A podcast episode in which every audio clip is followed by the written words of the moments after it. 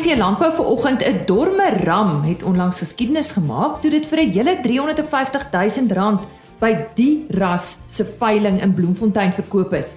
Ek gesels met die eienaar Chart Steenekamp. Vooruitsigte vir die canola bedryf lyk belovend en ons praat met Zander Spammer van Southern Oil hieroor. Dan gesels Dr Gary Patterson van die Landbou Navorsingsraad oor gronddata en Heinrich Victor is terug met nuus oor die jongste wolpryse. Baie welkom by vanoggend se program. My naam is Lise Roberts. Ons begin met wolnuus en daarvoor sluit ons aan by Heinrich Victor. Ja, ons groet u weer hartlik uit die OVK Veselkantoor. En ons moet vir u noem, ehm um, verlede week of die week van tevore was daar dan nou nie 'n wolveiling soos wat u reeds agtergekom het en dis uit daar twee wolveilings, dit is dan nou die 4de en die 5de wolveilings in een week plaasgevind. Dit was dan nou op 14 en 15 September.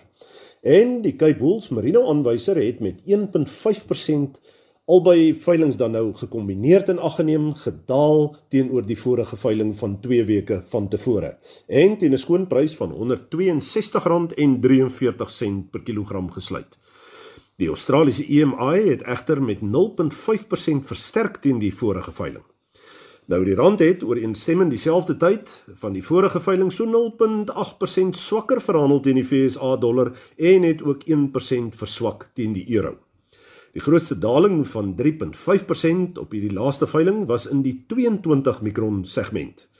Moriano het op hierdie veiling die grootste hoeveelheid bale gekoop, gevolg deur Tianyu SA, Standard Wool en Lempriere SA.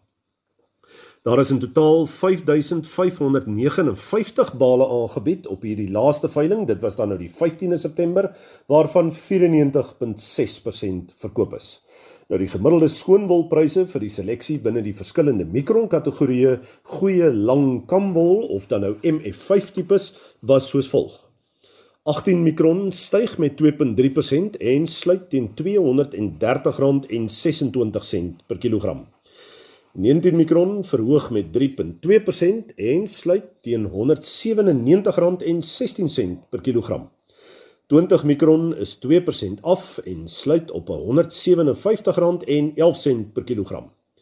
21 mikron styg met 2.2% en sluit op R157.68 per kilogram. En dan laastens 22 mikron daal met 3.5% en sluit op R136.13 per kilogram.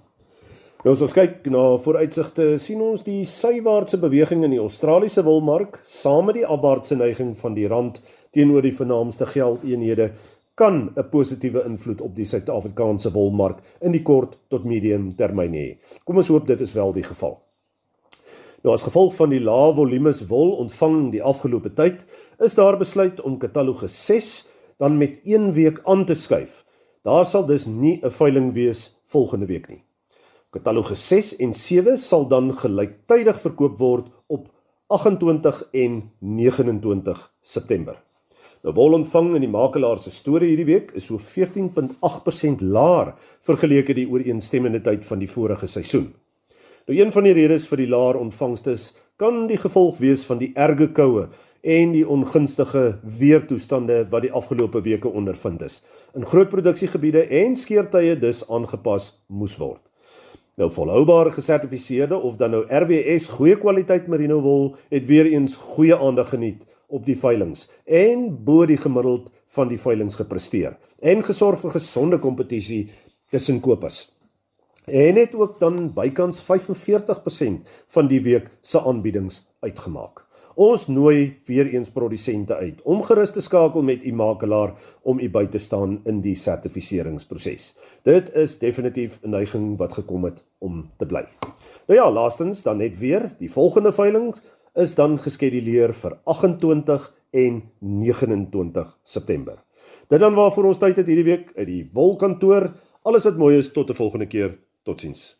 En dit was aan Heinrich Victor met ons nuutste wolpryse van 'n veiling in Port Elizabeth. En soos hy genoem het, hoor ons eers weer oor 2 weke van hom. Soos jy reeds gehoor het, gesels ons graag hierdie week met Soil. Hulle is ons vennoot op RSG Landbou en ons het daarom al in die verlede met Sander Spammer gesels. Hy is landboukundige hulpbronbestuurder by Soil of soos hulle ook genoem word Southern Oil. En as ons met hulle praat, is dit maar gewoonlik oor die canola bedryf. Sander, goeiemôre. Lekker om weer met jou uh, op RSG Landbou te gesels. Hoe lyk die vooruitsigte wat aanplantings betref per streek? Goeiemôre Lize. Ehm um, jy sien dit lyk baie beter as die jaar. Daar is so 20000 hektaar meer geplant as die jaar. As ons kyk, die Swartland is op so 26000 hektaar. Die Oeverberg is so op 29000 hektaar en dan skaal wat nou die Suid-Kaap bedieningsgebied is, nou maar Protein tot by ehm um, Mossel Bay is op 39000 hektaar. So uh, dis redelik baie meer hektaar as vir die jaar en met die toestande buite lyk dit of of of op bogemiddelde oes ook gaan hê. So hmm. daar gaan nogals redelike noula wees vir jaar. Goeie nuus. Waarom is daar vanjaar meer hektare aangeplant Sander? Ag die grootste rede is seker maar die gasmandaat wat vir jaar kleiner is as gevolg van COVID, die alkoholverbod en verskeie redes. So toe het baie produsente minder gas geplant en eerder toe canola geplant. Ag en dit is ook 'n kombinasie van verlede jaar het ons baie goeie opbrengste met ons canola begin kry, tesame met 'n goeie prys. So canola was baie winsgewend ook vir die ouens. So dit het ook gemaak dat daar redelik nuwe hektare bygekom het. Is soil gereed vir die oes wat verwag word? Het julle julle dinge in plek? ja, nee, ons het ons het nogals baie ons nek uitgesteek. Ons het so net onder die 50000 ton se byspasie bygesit. En ek bedoel as jy nou daai wyse opsit, dis 1 jaar wat hulle afbetaal word, so dis oor 'n klompie tyd. So ons is maar redelik baie positief teenoor die bedryf en die tyd vorentoe vir canola. Sander, wat beteken 'n groter oes vir Suid-Afrika? OK, canola is nie, dis ons maar net in die Wes-Kaap, maar dit beteken maar net baie beter welvaart in die plattelandse gebiede wat maar positief vir almal is. As die as die produsent meer vir sy canola kry. Ehm um, kan hy dalk weer huis in die dorp bou. Dit maak weer werk vir mense wat huise bou. So dis maar so julle sneeubal effek. So 'n uh, groter hoes is maar beter vir almal. So dit is 'n sosio-ekonomiese bydrae wat wat so iets lewer. Nou dit gaan sommer beter met almal. Yes, daar sê. In landbou is daar maar altyd waarskuwings. Waarop moet produsente let op hierdie stadium, uh Zander? Uh, Lisa, kyk, dit asof dit die winter is nou verby en uh, dit lyk vir ons of insekte nou nogal besig is om kwai in die canola in te beweeg. So die produsente maar net goed hulle velde monitor en maar dit beheer indien nodig. Maar nou is dit maar net so ek sê die insekte is nou nogal redelik in die canola oor die hele Weskaap. As ons praat van insekte, waarna verwys jy? Is daar iets spesifieks net vir ons algemene luisteraar wat nou nie weet wat is uh Ag die uh, insekte wat nou maar tans nou skade maak is maar jou koolluis um en jou ruiterigmotlarwe. Dis so as jy nie canola in nou stap aan sal jy sien af sulke klein moetjies. Nou dis ook dis ruiterigmotte. Natu. Enige opwindende dinge waarvan jy ons kan vertel wat uh, julle aktiwiteite by Soil betref, Sander? Ah, afgesien van die oprigting van die silo's, julle sal sien dis net seker klomp blink silootjies wat opgaan oral. Ehm um, stel ons binnekort ook chips wat van moutgas gemaak word saam met vegan dip. So jy sien dit ek het nou so 'n bietjie van dit geproe en dit is verskriklik lekker. So dit sal binnekort op die karakter wees. Brys bietjie uit op die oprigting van die silo's. Jy het gesê daar was heelwat uitbreiding. Is daar spesifieke areas waarop jy fokus ander? Ehm um, yes, Lisa, so daar is 'n hele nuwe kompleks wat ons by Ripple opsit. Dan is daar by Kliptail en en dan Moreesburg in die Swartland. Dan het ons ook byse in die Swartland wat ons deurligting insit wat nou van verjaar die eerste keer se canola gaan kan vat by Darling en by ehm um, Hoofweg Agri Moreesburg. Beteken dit meer werkskepping of nie noodwendig nie? Nee, dit is definitief werkskepping. So ja, nee, maar maar dit is nie so groot hoeveelheid mense, dit is maar 'n kort projek ook. So mm. dit is 4 uh, of 5 maande projek. So mm. dit is nou nie byvoorbeeld soos wat die groter oes nou regtig meer welvaart vir die plattelandsgebiede of skep het. Mm. Uh dis so 4, 5 maande projek. Sander Spammer van Soil wat met ons gesels het oor die plaaslike canola bedryf en hy is landboukundige hulpbron bestuurder. As jy nou by ons aangesluit het, my naam is Lise Roberts en jy's ingeskakel vir RSG Landbou 100 tot 104 FM. September is natuurlik erfenismaand en het jy geweet dat ons gronddata in Suid-Afrika se erfenis van skatbare waarde is? Ek gesels nou met Dr Gary Patterson, hy's van die Landbou Navorsingsraad en ons is gewoonlik oor grond gesels, dan is dit met hom.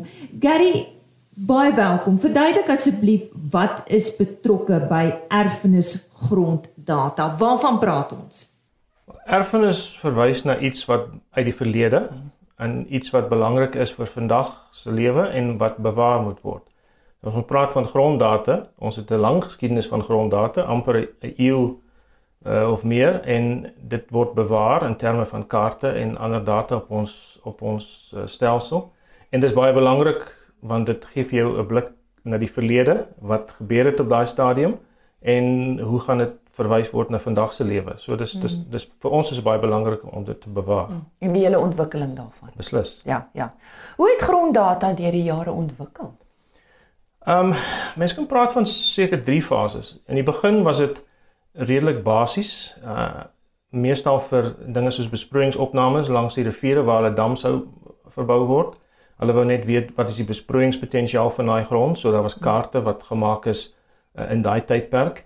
Ehm um, hulle het nie die gronde so eintlik geklassifiseer uh soos vandag soos ons sou doen, maar hulle gee 'n waarde, besproeiingswaarde en daar's 'n hele paar waardes vir pH en brak toestande wat baie belangrik was. Van hierdie kaarte is op 'n tipe linne uh, gedruk, nie gedruk nie, eintlik geverf en geteken. Daar was geen geen sprake van druk op daai op daai stadium, maar daai linne is baie sterk en die die kleure wat ingeverf is is nog redelik sterk. So ons ons kan daai kaarte nog gebruik as dit nodig is. Die tweede fase, ehm um, na die Tweede Wêreldoorlog het ons begin dink aan om die gronde te ehm um, te klassifiseer om ons eie klassifikasiestelsel te bou. Ehm um, daar was 'n paar groot opnames wat gedoen is in dele van Suid-Afrika en ons nasionale landtipe opname wat uh begin het in 1972 min of meer. Ehm um, die kaarte daarvan is deur die staatsdrukker gepubliseer deur die jare en die opname is voltooi in die vroeë 2000s. En daai kaarte is is uh gee 'n uh, idee van die grond uh, verspreiding, die grondpatrone in Suid-Afrika en met die tyd het ons dit nou uh versyfer want dit lei ons na die derde fase van hmm. gronddata met die rekenaar se krag versyfering van daai data en ons gebruik daai die rekenaar om data te stoor. Die groot belangrikheid is daai data kan dan gemanipuleer word. Hoef nie kaarte van vooraf te verf of te druk nie. Mens druk dit uit die, in die rekenaar en in die krag van die rekenaar help ons baie. En dit gaan nog verbeter in die toekoms. En nou die kaarte wat ons produseer is op ons eie stelsel, dit word deur ons eie groot drukkers uitgedruk uh, net soos ons wil hê met die soos ek mm, sê met die mm, druk van die uh, met die krag van die rekenaar. Mm, klink soveel makliker. Op jou oomblik ja, ja, dit is. wat is die nut en die belangrikheid van die data wat ons het? Al gronddata is nodig vir alle dele van die lewe. Landbou is die groot gebruiker van die data want mm. die landboupotensiaal van enige gebied of dit 'n plaas is of 'n munisipaliteit of 'n plot of whatever, die gronddata gee die landgebruiker baie goeie idee van wat kan geplant word. Wat is die moontlike opbrengs? Wat is die moontlike gevaar van daai grond of hoe moet dit bewaar word en so aan?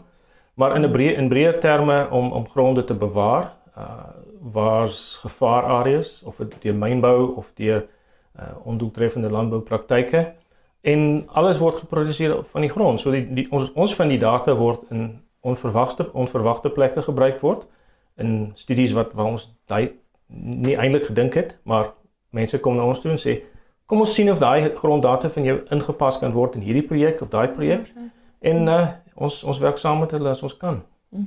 Kom ons kyk na die pad vorentoe. Hoe bou julle op dit wat julle reeds bewaar? Ehm um, daar's 'n paar inisiatiewe. Ons ons het ons baie van ons ons ons het 'n nasionale landtipe opname en hy is nou versyfer. So ons het nou gronddata op kwart miljoen skaal van die hele land. So dit kan gebruik word uh, vir 'n hele reeks uh doel doelwitte. Ehm um, ons het ook profile op sekere plekke met waardes en ehm um, ons probeer om daai inligting beskikbaar waar ons kan vir mense wat navorsing wil doen. Maar een van die dinge waar waar ons nou ehm um, inisiatief wat ons graag wil wil voortsit deur die landtipe opname daar's 'n paar veldkante wat die mense in die veld gebruik het en hulle notas gemaak en punte met grondinligting op sekere punte. Nou daai inligting is nooit versyfer nie en die kaarte hang nog by ons en dis 'n groot job om te doen. Maar as ons daai punte kan versyfer, dit gee vir, vir ons net 'n ekstra laagie van data wat ons kan gebruik.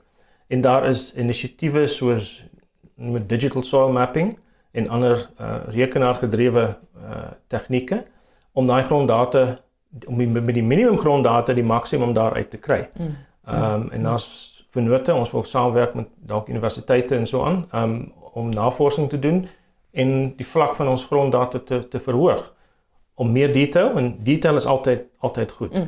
Die groot probleem is baie van wat die hele die landse data op kwart miljoen skaal kan nie eintlik gebruik word vir plaasbeplanning. Dis nie heeltemal uh, genoeg detail daarvoor. Maar dit gee vir jou 'n goeie idee van die uitvoerbaarheid of moontlikhede, mm. feasibility in daai mm. gebied. So ons werk in verskillende rigtings om die data, die vlak van data, die skaal van data te verbeter en dan word hy baie beter gebruik mm. met daai detail help. Net kortliks die waarde dan vir landbou, jy het gesê landbou kan dan nie dit nie, maar waar dat jy moet tog dit te kan bewaar mm. vir vir landbou. Wel op sekere op sekere plekke het die boer deur mate van agri-industrie mm mm. genoeg inligting van 'n sekere plaas. Mm. Maar daar is areas waar daar nie genoeg inligting is mm. nie. Mm. En met met klimaatsverandering en wie weet waar gaan ons wees oor 'n paar jaar sekere areas word minder gebruiklik vir landbou en seker miskien in ander areas kan landbou gepraktiseer word wat dit dalk nie moontlik was nie. Ons weet nie, maar gronddata sal help. En dit mm. dit gaan enige uh, ontwikkeling versterk. Die groot probleem is as 'n mens probeer om ontwikkeling te doen of dit landbou whatever is sonder daai gronddata en dan op 'n latere stadium begin hulle agterkom. Ek wens ek het daai data gehad. Dit sou my besluite versterk het. Baie dankie Gary. Baie baie baie interessant geweest vanoggend met jou te praat oor wie nou geweet op erfenismaand gaan ons praat oor die erfenis van gronddata. Ek het daar gesels met Dr Gary Patterson en hy is van die Landbou Navorsingsraad. Suid-Afrika se dormer skaapras spog met 'n nuwe rekord. 'n Jong dormer ram met die naam Oorlog is onlangs tydens die nasionale veiling vir hierdie ras teen 'n rekordprys van R350 000 verkoop. Chart en Stein Steenekamp van die stoeterye Twee Broers Dormers en Rooihek Dormers in Baklie Oos in die Oos-Kaap was die verkopers. Marius en Jan Eksteen van Hatari Farming van Bloemfontein het hierdie ram gekoop en ek gesels nou met die verkoper Chart Steenekamp. Chart, vertel ons eers van julle boerdery. Ja, hallo Lize, ons um, ons boer uh, tussen Larry Gray en Barkley Oos, um meer in die Barkley Oos distrik. Um en dan het ons uh, ons het 'n dormer stoet en 'n uh, ook 'n Suffolk stoet, so ons is maar meestal net in skape in. Um en ons met dormers het ons begin toe ek uit die skool uit gekom het wat nou so 16 17 jaar is wat ons nou met dormers aan is het ons dadelik met die stoet begin. Ehm um, so ja, ons het 'n baie sagte plek vir die dormer ras. En dis jy en jou broer? Ja, um, ek en my my broer was daai tyd toe ons begin het was my broer saam met ons hier by my op die plaas en ehm um, eintlik was hy hierso en hy toe later um, met sy doenie stoet begin wat 'n wat 'n wol wolrasse is en um, hy boer op die oomblik in Buggersdorp. Hy's hy's hy is hy's op die oomblik met sy doenies toe in Buggersdorp, ja. Vertel vir ons wat is so spesiaal omtrent oorlog, hierdie jong dormerang. Ja, hy het ons hy het ons oog gevang van 'n jong ouderdom af. Um toe ons ek my broer en my pa en hom Hendrie Nodee van BKB Um toe die toe ons die rammetjies speel het ons 'n klomp het ons beter beter 80 rammetjies eenkant gesit En en die rammetjie elke keer dat ons met die ramme het gewerk het, het hy ons oog gevang. Sommige van 'n klein ouderdom af het ons van die ram gehou en um, ons het hom so baie van hom gehou om hom as 'n jong rammetjie te gebruik in ons toetok wat ons 'n klomp uh, oeye gelaproskopie het met hom. En um ons het ook die die die rammetjie vir vir sekere kopers aangestuur al op 'n jong ouderdom af en hulle gesê jy's ons het ons ons dink ons sit met iets spesiaals hierso. Dis 'n rammetjie wat nie elke dag um elke jaar uh, oor jou pad kom nie en um hy het regtig waar ons oog gevang van 'n klein ouderdom af en um weet wat ons baie baie potensiaal in die rammetjie gesien het en tot die dag van die veiling toe het die ram net net, net uitgestaan en net, net vir ons elke dag iets anders gewys in hom. Hoe oud is hy nou, Chart? Hy's 16 maande gewees die dag van die veiling, 16 maande oud, ja. Oh, wow. Hy het net begin wissel met dan, so hy's nog sy hele lewe lê nog voor hom. En daai 350 000 rand, dis dan baie geld vir so 'n ram. Toe jy dit gekry het, het jy het dit julle heeltemal uit die veld uit geslaan of of het dit het julle dit verwag? Dis nie ons het dit glad nie verwag nie. Um ou my eintlik die woorde as dit gebeur nie. Uh dis regtig net seën groot groot seën en genade as dit gebeur die dag. Ek glo nie dit gaan in my lewenstyd weer gebeur nie. Um hooplik in my seentjies sinne, maar um die dag as hy na jou kant toe kom, moet hy dit maar vat en um ons is regtig dit is ons het nie eintlik woorde gehad vir dit nie. Uh, ons is eintlik regtig stom geslaan. Is daar iets wat jy weet wat jy reg doen om sulke diere te teel? Ek dink ons ek dink ons ons ons ons eet, slaap en doen alles skaap. Dis maar wat ons doen. Dis wat ons ons het gebo, ons is gebore met skaap en um, ons is regtig ons is elke liewe dag besig met ons skaap. Ek sien elke dag omtrent uh, al my troppe skape op my plaas sien ek en probeer ek sien um, ten minste 3 keer 'n week. Ehm um, so ons is regtig ons is ons ons dis maar wat ons ken. Dis ons dis al wat ons ken is maar skaap. So ehm um, ek dink dit is maar 'n bietjie TLC en uh, net liefde wat wat wat wat wat, wat, wat, wat, uh, dis eintlik al wat ons by die skaap doen. Uh, ek weet nie daar's seker baie mense wat dit so doen maar dit is maar wat ons doen. Dis maar ons ons skaap. Chart verduidelik vir ons wat se eienskappe van 'n dormer. Wat maak hierdie ras anders as enige ander skaapras? 'n Dormer is 'n baie baie vrugbare skaap. Ehm um, hy vir jou meerlinge uh vir die ouens wat intensief wil boer met 'n dormer, hy elke 8 maande stelsel 'n dormer vat baie goed. Hulle ons konsepsie op ons dormers is baie goed en ons tweeling persentasies en ons kry selfs drielinge en vierlinge op jou dormers. Uh die dormers is dan natuurlik 'n vleisras, um baie goeie goeie kruisras um, op jou wolskape. Uh die ouens gebruik hom vir vir vir 'n swaarder stoor of 'n slaglam te teel. En um so hy het baie goeie vleiseienskappe op die dormer. En dan um, natuurlik die moedereienskappe van 'n dormer is is, is sekerlik die beste. Uh die ooi wat wat al wat al twee lammetjies van hulle gebore is, is hy lief vir hulle en um Hulle het baie melk. Uh ou sit met ou sit eintlik maar met 'n met 'n met 'n wonderlike uh, uh intensiewe skaap uh, met 'n dormer. Uh ons het dis kom ons ook maar lief geraak het vir hom. Dit dit die, die, as jy klaar met 'n dormer gelam het, dan wil jy nie sommer ander ras uh skaape gaan lam nie. En ja, natuurlik, dis ook belangrik. Die naam oorlog vir die skaap. Waar kom julle aan hierdie interessante naam? Ja, ons probeer my elke jaar 'n bietjie iets uit die boek uit te dink um, met die name. En ons het hierdie jaar eintlik met daai looting met die in Maritzburg toe al daai goeders gebeur plaasgevind het daar. En dit alsmaar op almal se lippe was my net wat is wat's nou volgende? Gaan ons nou oorlog hou? Wat gaan in ons land gebeur? En ons het ek het so eintlik eendag gery en die rammetjie het ek gedink wat kan ek hier ram noem? En dan het ek gedink dis oorlog. As ek dink aan oorlog dan dink jy aan aan aan mense wie bel jy om jou dadelik jou om, om dadelik saam met jou te staan, saam met jou in die oorlog in te gaan en dan sê en hier rammetjie dink, dink ek aan dit. Dis 'n ram wat ek dadelik in my stoet wil gebruik, wat ek dadelik my oeye my hy sal my ek wil amper vir sê hy sal jou hy sal die die uh, die ouens wat hom gekoop het Atari Dormers Marius en Jan hy sal hulle stoet back. Hy dis 'n ram wat hulle kan oorlog mee hou op hulle plaas wil ek amper sê. So nee ek dink dit ons maar gedink dit is dis gepas aan dit. Dis dan Charles Steenekamp van Bakli Oos wat onlangs sy dormeram verkoop het vir 'n rekordprys van 350 000 rand. Nou ja, dit was vir my baie lekker om saam met jou te kuier so lekker vroeg op hierdie Dinsdagoggend. Ek sien uit om môreoggend weer so te maak. Net meer oor môreoggend se program. Ons gesels met 'n paar ontwikkelende boere wat geseëvier het by vanjaar se Samick nasionale karkas kompetisie. Dan die veelbesproke Almawashi se voorneme is om nou direk by lewende hawe produsente in Suid-Afrika aan te koop vir uitvoer en ons gesels met hulle plaaslike verteenwoordiger JP Rood.